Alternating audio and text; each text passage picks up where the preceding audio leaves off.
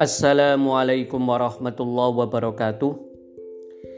Fardu dan wajib menurut para ulama adalah dua kata yang sinonim.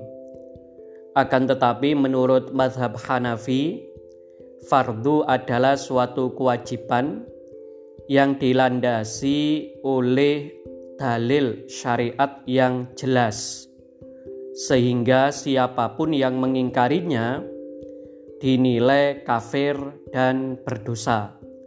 Misalnya kewajiban sholat lima waktu. Sedangkan wajib adalah suatu kewajiban yang dilandasi oleh dalil syariat yang tidak begitu jelas atau mengandung unsur syubhat sehingga orang yang mengingkarinya tidak sampai dinilai kafir hanya orang yang tidak melakukannya dinilai berdosa serta terhalang dari mendapatkan syafaat dari Rasulullah Shallallahu Alaihi Wasallam. Misalnya dalam madhab Hanafi, sholat Idul Fitri, Idul Adha, dan sholat witir adalah contoh kewajiban.